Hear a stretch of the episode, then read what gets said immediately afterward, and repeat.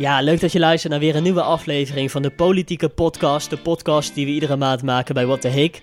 En ik zeg we, dan bedoel ik uh, mezelf natuurlijk. Ik ben Lars Melitse, aangenaam. Ja, naast mij zit uh, Saskia Lomans. Hallo. Leuk dat je er bent. Yay. Een nieuwe aflevering en we gaan het met je hebben over november in deze podcast. En dat was een hele belangrijke en hele pijnlijke maand voor de VVD. Uh, premier Rutte die maakte bekend dat we minder snel mogen rijden op de snelweg. Dit is echt een heel belangrijke eerste stap om banen te behouden in onze bouw. Ja, en fractievoorzitter Klaas Dijkhoff die kreeg ook gedoe omdat hij allemaal extra geld casht bovenop zijn salaris. Ik doe mijn werk hier, de wet bepaalt wat ik allemaal krijg. Uh, dat is, uh, daar klaag ik niet over. Uh, en dan komt het binnen en dan ga ik niet iedere keer mijn loonstrook. Ja, wat, wat, heb, wat, wat le daar leer je niet echt iets van, denk ik dan. En het ging over een Nederlandse luchtaanval in Irak in 2015. En mensen geloofden Rutte niet toen hij zei dat hij daar helemaal niks van weet. Nee, er staat mij helemaal niets van bij. Was dat vier jaar geleden, dat zou ik echt niet weten. Ja, deze onderwerpen gaan we zo meteen uitgebreid bespreken in deze podcast. En we gaan natuurlijk over nog veel meer dingen hebben die speelden afgelopen maand in november dus. En dat doen we zoals je dat van ons een beetje gewend bent ondertussen per week. Dus we nemen iedere week even kort met je door. We bespreken even de belangrijkste dingen. En op het eind gaan we nog een beetje vooruitblikken op de maand die komen gaat. Uh, ja, leuk dat jij er ook weer bent, Saskia. Uiteraard. En we hebben iets te vieren, want dit is onze tiende aflevering. Yay! Ja. Maar uh, dat betekent ook dat we, want we zijn er volgens mij één keer een maandje niet geweest, maar ik weet nog dat december, de maand december uh, van 2018 onze allereerste podcast uh, was. Klopt. Dus dat betekent ja. dat wij er bijna een uh, jaartje zitten. Wauw, wat lang. Zo ja. voelt het niet hoor. Maar, nee, ja. nee, het jaar is echt zo snel gegaan. Heel tof. Maar dat heb ik met heel veel dingen waarvan ik denk, was dat alweer een jaar geleden? Ja, blijkbaar wel. het is ook een hele leuke maand die nu gaat komen. Hè? Die decembermaand waarin je lekker kunt gaan terugblikken. En dat terugblikken, dat doen wij sowieso natuurlijk iedere maand al. En ja. uh, ook nu weer dus. We gaan uh, uh, terugblikken op november natuurlijk. En laten we dan meteen maar lekker aftrappen met de allereerste week van november. De week van 4 november. Ja, gedoe over een luchtaanval van het Nederlandse leger in 2015. Dat gooide toen een bom in Irak op een wijk. En daarbij kwamen 70 mensen om het leven. IS had namelijk op die plek een bommenfabriek liggen. En dat was uh, ook het doel van die aanslag. Het kabinet geeft toe uh, dat het bombardement plaatsvond, maar hield het jarenlang geheim. En veel scholieren die waren een dagje vrij. De leraren gingen weer de hele dag de straat op om te protesteren. Ze vinden dat ze te hard moeten werken en daar te weinig geld voor krijgen. Om ze tegemoet te komen, zei het kabinet: jullie krijgen er één keer 460 miljoen euro bij. Maar de leraren zeggen: daarmee los je het probleem helemaal niet op. Dat bedrag dat moet er ieder jaar komen. Extra geld. En dat extra geld dat willen we structureel. Structureel! Het is gewoon een vak waar ik potdomme heel hard voor werk. Heel veel voor doe. Met alle liefde voor de kinderen. Want ik ben niet voor niks juf geworden. Ik ben gek op kinderen. Maar er moet wel iets veranderen. En daarom sta ik hier. En het moet strafbaar worden om als gevangene te ontsnappen uit de gevangenis, zegt minister Dekker. Nu krijg je alleen in de gevangenis zelfstraf als je ontsnapt. Maar je hoeft niet langer te blijven in de gevangenis. En een van de redenen daarvoor is, is dat het eigenlijk de natuurlijke drang van mensen is om vrij te zijn. En dat is niet uit te leggen, zegt Dekker, want de samenleving wordt er wel onveiliger van als gevangenen ontsnappen. Ja, ik vind het ook inderdaad best een gekke regel als je er nu zo naar kijkt. Dat je gewoon uit de gevangenis kunt ontsnappen en daar dan vervolgens niet extra straf voor krijgt. Kijk, misschien als jij terugkomt in de gevangenis zeggen ze heus wel foei en misschien moet je een weekje de isoleercel in. Hmm. Maar het is niet zo dat je echt super erge straf daarvoor krijgt. Terwijl inderdaad, je brengt wel meestal de samenleving in gevaar, want je ziet niet voor niks in de gevangenis. Ja. En uh, we moeten het nog even hebben over die luchtaanval in Irak. Daar begonnen we net mee, hè? Uh, ja. In 2015 was dat. En toch houdt het ons nu heel veel bezig, terwijl het eigenlijk al vier jaar geleden is. Misschien even uitleggen, uh, Nederland die was daar aan het vechten uh, tegen IS. Hè, dat ken je natuurlijk wel, de mensen die ook achter de aanslagen in Parijs en Brussel zitten bijvoorbeeld. Uh, en Nederland deed daar mee in die strijd tegen IS, samen met een internationale coalitie. Dus ook Amerika was daarbij betrokken en allerlei andere Europese landen. En wij probeerden daar eigenlijk om een einde te maken aan islamitische staat in Irak... En in dat kader waren we ook betrokken bij een bepaalde aanval op zo'n bommenfabriek in dat land. een grote fabriek waar allemaal bommen werden gemaakt. En Nederland dacht van, hey, laten we daar een bom opgooien op dat gebouw. En dan kunnen we eigenlijk voorkomen dat zij nieuwe bommen kunnen maken. Alleen dat ging niet helemaal goed, want er kwamen heel veel mensen bij om het leven toen. Precies, en dan gaat het er niet zozeer om dat mensen boos zijn dat dat bombardement is gebeurd. Want ja, het is oorlog en heel lullig gezegd, want er zijn natuurlijk wel 70 mensen uh, overleden en dat is heel erg.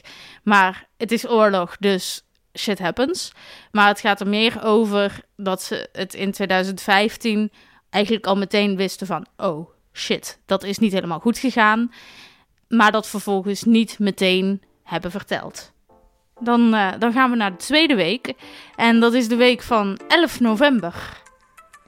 Je mag straks minder hard crossen op de snelweg.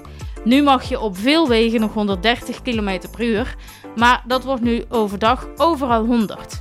En dat is vooral voor de VVD een beetje pijnlijk, want die partij wordt vaak gezien als de autopartij. En nou ja, die willen dus juist dat we zo snel mogelijk kunnen. Ik baal er ongelooflijk van dat die 130 verdwijnt.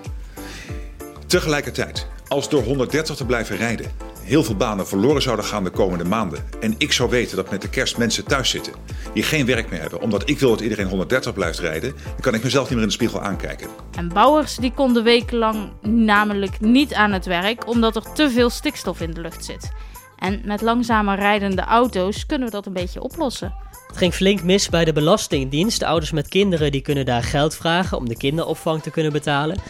En de regels om dat geld te krijgen zijn de laatste jaren strenger geworden. Te streng, bleek deze maand. Want ook ouders die alleen een kleine fout hebben gemaakt bij het aanvragen, werden al verdacht van oplichting. Een deel daarvan die kreeg helemaal niks meer. En een ander deel die moest zelfs heel veel geld terugbetalen. En daardoor kwamen ze soms eh, in de problemen, kregen ze schulden. En moesten ze soms tienduizenden euro's terugbetalen. En dit geluid blijf je voorlopig iedere maand gewoon horen. Ja, het luchtalarm dus, dat zou eigenlijk al op 1 januari verdwijnen, maar het blijft nog wat langer, zegt minister Grapperhaus. De reden? Nieuwe systemen, zoals NL Alert op je telefoon, die werken nog niet altijd even goed. En de boeren die mochten op de koffie komen bij premier Rutte en minister Schouten. Het ging natuurlijk allemaal over stikstof. De boeren die zijn daar boos over. Ze zeggen, de maatregelen om minder uit te stoten die zijn veel te streng. En na afloop van het gesprek waren ze trouwens een stuk minder boos dan uh, toen ze begonnen aan het hele gesprek. er werd goed geluisterd. Zeker uh, Mark Rutte en uh, Carola Schouten. Ze konden niks concreet zeggen, maar ze hebben wel heel goed geluisterd. Ja, ik vind het iets unieks in mijn leven, zeg maar. Nou, die klonken nog best wel vrolijk, inderdaad. Ja, ik weet niet wat er gebeurd is bij Rutte in dat kamertje. Maar ze kwamen heel vrolijk naar buiten, terwijl ze best wel boos naar binnen gingen eigenlijk. Ja, nou Rutte is natuurlijk sowieso een hele vrolijke man, meestal. Uh, die heel veel lacht. Dus misschien uh, hebben ze dat een beetje van hem overgenomen. Ja, ik vond het heel gek. Het was echt heel gek om ze zo blij uh, te zien. Want ze waren echt flink boos.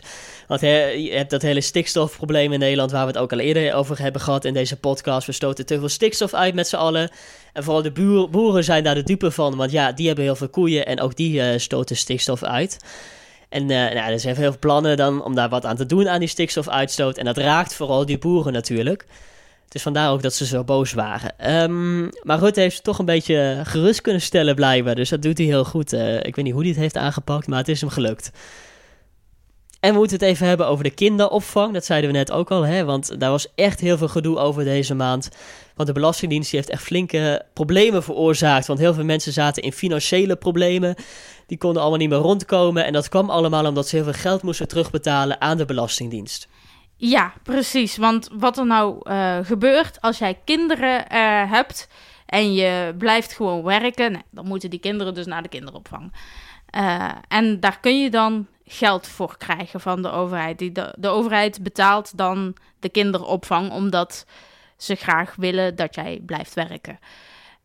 alleen er is in uh, eh, 2013 uit mijn hoofd uh, waren er een paar mensen in Bulgarije. En die kwamen erachter dat die regeling bestond. En die hebben toen vanuit Bulgarije die, dat geld aangevraagd en ook gekregen. Met als gevolg dat veel meer mensen dat in Bulgarije gingen doen. En toen ze daar bij de Belastingdienst achterkwamen, dachten ze: oh, dat is een foutje. Hmm. Dat moet niet. Uh, dus we maken de regels veel strenger. Maar nu hebben ze dus zo streng gemaakt dat als jij een klein foutje maakt als Nederlander, dat je dan ook dus en geen geld meer krijgt en alles wat je gekregen hebt terug moet betalen met een boete. En inderdaad, daardoor uh, ja, hadden heel veel mensen ineens uh, geld tekort. Ja, en de problemen zijn nu aan het licht gekomen en nu is het aan staatssecretaris Menno Snel. Die gaat erover om dat een beetje op te lossen. Dus dit is wel echt iets wat ons ook komende maand nog uh, bezig gaat houden. Die problemen daar bij de Belastingdienst. We gaan door met de derde week die we gaan bespreken in deze podcast. En dat is de week van 18 november. Staatssecretaris Broekers-Knol die had een date die niet doorging. En daar baalde ze zelf ook behoorlijk van. Het ging namelijk niet om iemand van Tinder, maar om de koning van Marokko. Ze zouden praten over het terugnemen van asielzoekers door Marokko. Maar de koning zei af en dat begreep de Tweede Kamer ook niet zo goed. Volgens de SP neemt Marokko ons land helemaal niet serieus. En voor één dag zaten er geen politici in de zaal van de Tweede Kamer, maar kinderen. Voor de tweede keer was daar een kindervragenuur voor kinderen uit groep 7 en 8. Het ging onder andere over pesten daar en de minister, minister Grappenhaus, gaf toe dat hij daar ook wel eens last van had. Vaker dan één keer. Ja, dat vind ik moeilijk te tellen. Want toen ik inmiddels groter begon te worden, had ik geen haar meer op een gegeven moment. Nou, dat vonden mensen ook wel soms een reden om eh, hey kale en dat soort dingen te roepen. Ja, de kinderen stelden ook vragen over klimaatverandering, waarna Kamervoorzitter Ariep beloofde dat de Tweede Kamer minder plastic gaat gebruiken. En het ging deze maand over mensen die in Syrië en Irak voor IS gevochten hebben. Moeten zij daar de doodstraf voor krijgen? De VVD vindt dat dikke prima, maar D66 en CDA zijn het er absoluut niet mee eens. Dat is lastig, want die partijen zitten samen in de regering en moeten het dus eens worden om een beetje goed te kunnen besturen. De VVD is bang dat Irak alleen IS'ers voor de rechter wil brengen als ze ook de doodstraf mogen geven. Maar volgens D66 en CDA past het helemaal niet bij Nederland om daarmee in te stemmen en kan een uitzondering in andere gevallen dus door andere landen misbruikt worden.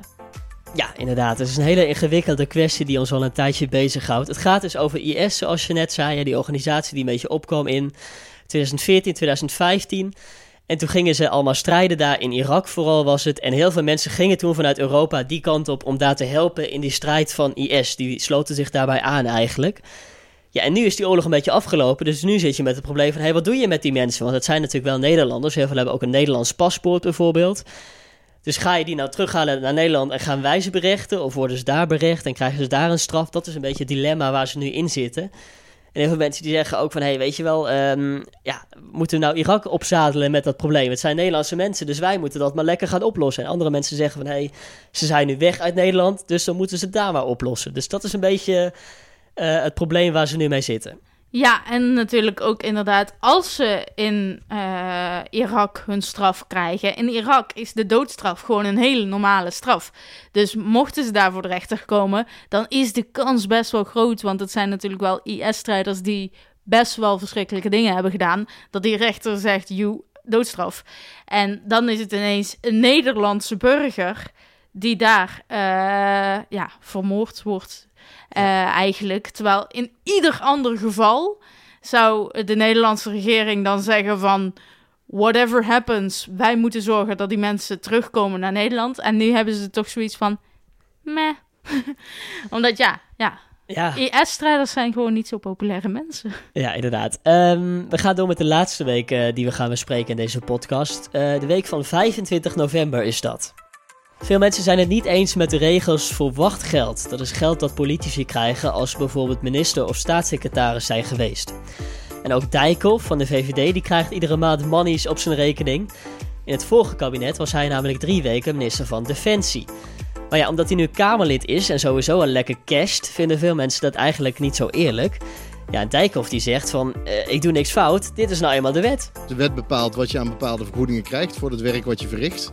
En dat is waar ik me aan hou. En, en dan ga ik, vind ik het zelf een beetje raar om te zeggen als we de wet maken... Uh, die wet staan we achter zoals die is, vinden we hem goed. En als je hem individueel moet toepassen op jezelf, dat je dan zegt, nou ja, daar krijg ik vragen over, laat maar zitten. En de oude zaal van de Tweede Kamer krijgt een likkie verf. Sinds 1994 zit de Kamer in de bekende zaal met de blauwe stoeltjes. En de oude witte zaal, waar ze eerst zaten, die kwam leeg te staan. Maar wel met een gekleurd tapijt en nieuwe lampen. En dat gaan ze nu dus terugdraaien. Hij ziet er straks dus weer uit alsof er iemand uh, zo een debat kan beginnen. vorige maand hadden we het al over PFAS, een giftige stof in de grond waardoor bouwers niet meer konden werken. Het kabinet heeft er nu een oplossing voor bedacht. Uh, de regels voor die stof die worden soepeler. Er mag acht keer meer PFAS in de grond zitten dan eerst. En dus kan er op veel plekken weer gebouwd worden. En we moeten het nog een keer hebben over de 70 burgerdoden bij de Nederlandse aanval in Irak in 2015.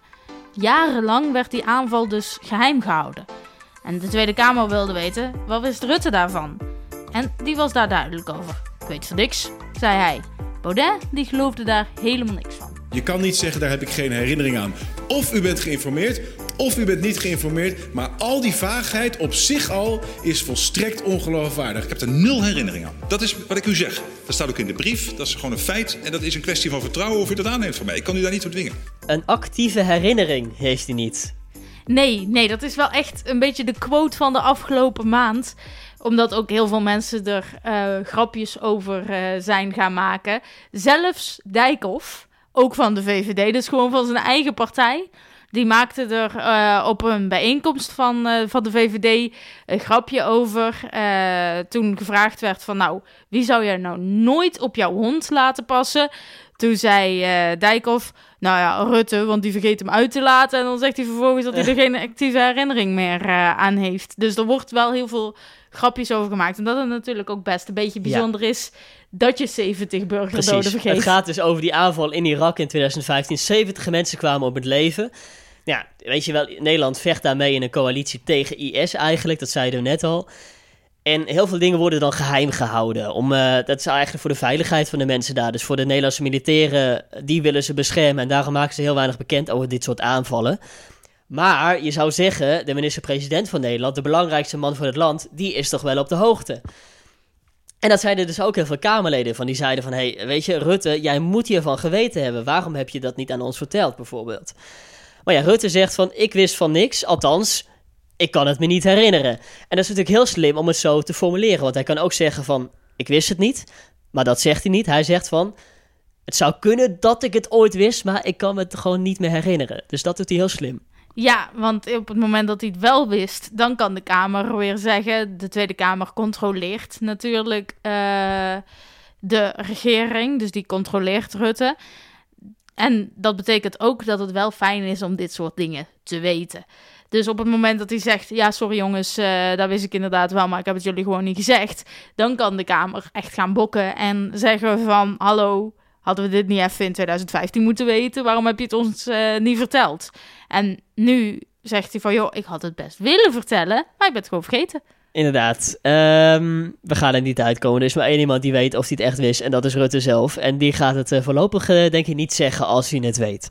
Nee, nee. Dus nou, uh, dat heeft hij heel slim gedaan. Want daar kunnen we hem inderdaad nooit meer op pakken. Want nee. er is maar één persoon die weet of hij liegt of niet. En dat is Rutte zelf. Ja, tenzij er nou een of ander document uitlekt waarin staat dat hij het wel degelijk wist. Dat zou natuurlijk ook nog kunnen. Een, of andere, een bolletje 2.0. Een bolletje inderdaad. Een, een soort notulen van een vergadering waarin je alles uittikt van een vergadering waar Rutte ook bij was. Dan heeft hij wel echt een heel groot probleem. Ja, want dan heeft hij echt, echt, echt En dan moet hij ook misschien wel aftreden en dan komt er een einde aan uh, negen jaar premier Rutte, zeg maar. Ja, dus, uh, ja. wie weet. Nou. Wie weet zijn er inderdaad wel brieven naar hem gestuurd en komen die een keer boven tafel. Ja, we hebben de belangrijkste onderwerpen in deze podcast nu doorgenomen met je. We hebben even op een rijtje gezet wat er allemaal gebeurd is.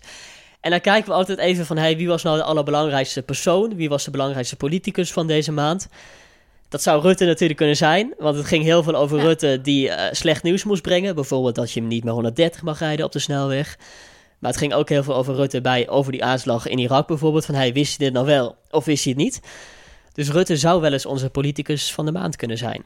Ja, eens. We hebben natuurlijk. Ik vind sowieso dat het de VVD uh, moet zijn, omdat de VVD wel echt het meest in het nieuws was deze maand. Dijkhoff natuurlijk, Precies, die we net. De, uh, Dijkhoff uh, komt ook wel in aanmerking, omdat hij natuurlijk uh, met zijn wachtgeld heeft lopen klooien. Of nou ja, hij heeft zelf niks gedaan, maar hij uh, er is ophef over hem ja, als persoon. Hij zit flink te cashen terwijl hij eigenlijk al heel veel geld krijgt. En er zijn heel veel mensen boos over dat hij nog extra geld krijgt. Precies, terwijl hij er dus- wel recht op heeft. Maar ja, het is niet zo netjes misschien. Dus die staat ook in de spotlight. Ja, zou goed kunnen. Of we gaan voor... Ja, ik vind het moeilijk. Ik denk toch wel een van die twee hoor. Ja, ja. Die, die, als je gaat kijken welke namen kwamen er nou het meeste in het nieuws... Dan, uh, dan zijn zij dat. En dan, ja. ja, dan denk ik toch dat we voor uh, Rutte moeten gaan, omdat hij echt een moeilijke maand heeft gehad. Ja, Want het zat hem echt niet mee deze maand, nee. Hij zegt al, we, je hebt al een paar quotes gehoord nu, dat hij zegt van uh, 130 naar 100. Dat hij zegt, ik baal daarvan. Maar hij heeft zelfs op een persconferentie gezegd, dit is de allermoeilijkste maatregel die ik uh, heb moeten nemen als baas van Nederland. En daar is hij toch al wel weer even, want hij zit er al sinds 2010. Ja, dus je had MA17 bijvoorbeeld ook. Maar hij zegt, ja, eigenlijk dit is toch wel echt het allermoeilijkste... dat mensen niet meer 130 mogen rijden. Want hij is van de VVD en dat is echt een partij die bekend staat... omdat ze heel veel dingen doen voor de autorijders. Dus ze zijn er voor meer wegen, voor sneller rijden bijvoorbeeld. Dus dit was echt een hele moeilijke maatregel voor hem. En mind you, in 2012, toen was hij ook dus al de baas. Want hij zit er al sinds 2010. In 2012 was hij ook al uh, de baas van Nederland. En toen heeft hij met echt heel veel taart en slingers en confetti die 130 bordjes onthuld. Dus het is nog helemaal niet zo heel lang dat we 130 mogen rijden op de snelweg. Ja, en dat gaat nu dus terug naar 100 zometeen, zoals we net zeiden. Een stuk langzamer natuurlijk. En dat is dus allemaal om iets te doen aan die stikstofuitstoot in Nederland. Hè? Um, Voor de, ja, zodat de boeren en de bouwers uh, er minder pijn van hoeven te lijden. Ja. Want anders worden die weer boos. En dat, ja, we hebben de afgelopen maanden afgelopen gezien maanden, hè? Ja. Dat, wat er dan gebeurt. Dus ja. Uh, ja. We gaan een beetje vooruitblikken dan. Uh, december komt eraan nu, nieuwe maand. en ik ben heel benieuwd, ja, wat denk jij, wat is het grote nieuws komende maand? Wat mij opvalt, is er zijn nu vier partijen de baas eigenlijk van Nederland. Dus dat is de VVD, maar die werkt samen met het CDA, de ChristenUnie en D66. En ik heb het idee dat ze het steeds minder gezellig met elkaar hebben. Dat merk ik ook wel, ja. Kijk, we zitten natuurlijk over de helft nu van de kabinetsperiode. Zo'n kabinet, zoals het dan heet, zit er vier jaar meestal, als ze erin uitzitten. En we zitten er net iets overheen. Dus wat je dan merkt, is dat partijen zich wat meer uh, in de kijker willen spelen. Dus die willen wat meer laten zien van, hé, hey, hier staan wij voor eigenlijk. Ook omdat ze dat inderdaad een beetje klaar willen hebben op het moment dat er weer verkiezingen komen. Ja, want die verkiezingen komen eraan. Maart 2021 uit mijn hoofd. Dus dan ga je al langzaam een beetje eh, kijken van... hé, hey, laten zien van hey, wij zijn deze partij, wij staan hiervoor. En dan botst het ook wat vaker. Dus dit is wat je nu eigenlijk uh, ziet. Ja, dus daar ben ik wel benieuwd naar. Of en hoeveel het in december nog gaat botsen tussen partijen die eigenlijk zouden moeten samenwerken. Ja. Want dat zie ik nog wel gebeuren. Dat ze, dat ze nog even in december, iedereen is moe, iedereen wil kerstvakantie, dat ze dan nog even dikke fitting doen. Ja, en heeft dat nog uh, gevolgen als dat gebeurt? Of eh, nou, niet om de eerste de beste fit zal het kabinet vallen. Maar als het echt een serieus, uh, ja, serieus probleem wordt, dan sluit ik niet uit dat, uh, ja, dat heel veel zagerijn er uiteindelijk voor, voor zorgt dat één partij, want dat hoeft er natuurlijk maar één te zijn, zegt de groeten. En dan hebben we eerder verkiezingen. Ja, het is heel belangrijk dat ze het alle vier eens zijn, zodat je heel makkelijk je wetten kunt aannemen. Hè? Dus daarom is het zo belangrijk dat ze het alle vier eens zijn eigenlijk. En als dat niet gebeurt, ja, dan moeten we binnenkort weer naar de stembus, uh, denk ik. Ja, precies. Vind ik helemaal niet zo erg. Ik vind het juist leuk, uh, die verkiezingscampagne altijd. Uh... Ik vind als politieke junkie ben ik het daarmee eens dat ik het wel mooi vind. Het zijn die wel verkiezingen de interessantste en... tijden om de politiek te volgen. Precies, ja. maar gewoon puur voor het land ja. zeg ik wel van oké, het is wel gewoon chill als er, uh, ja, als er gewoon bestuurd wordt. En, Geen gedoe. Precies. Ja. Hey, leuk dat je er was weer. Uh, tijdens deze tiende uh, aflevering van de podcast. En uh, volgende week, volgende maand jubileum natuurlijk, hè? De, de één jaar lang politieke podcast. Gaan we dan taart en koekjes eten tijdens ja, de uitzending? Deal, dat, dat ja, ja, hou ik je aan. Dat gaan we regelen. hey, ja, leuk dat je weer luisterde. En als je nou op de hoogte wil blijven van het laatste nieuws, check vooral onze website, watdeheek.nl. En ons Instagram kanaal, watdeheek. Tot volgende maand. Tot volgende maand. We zijn klaar. Dank u wel.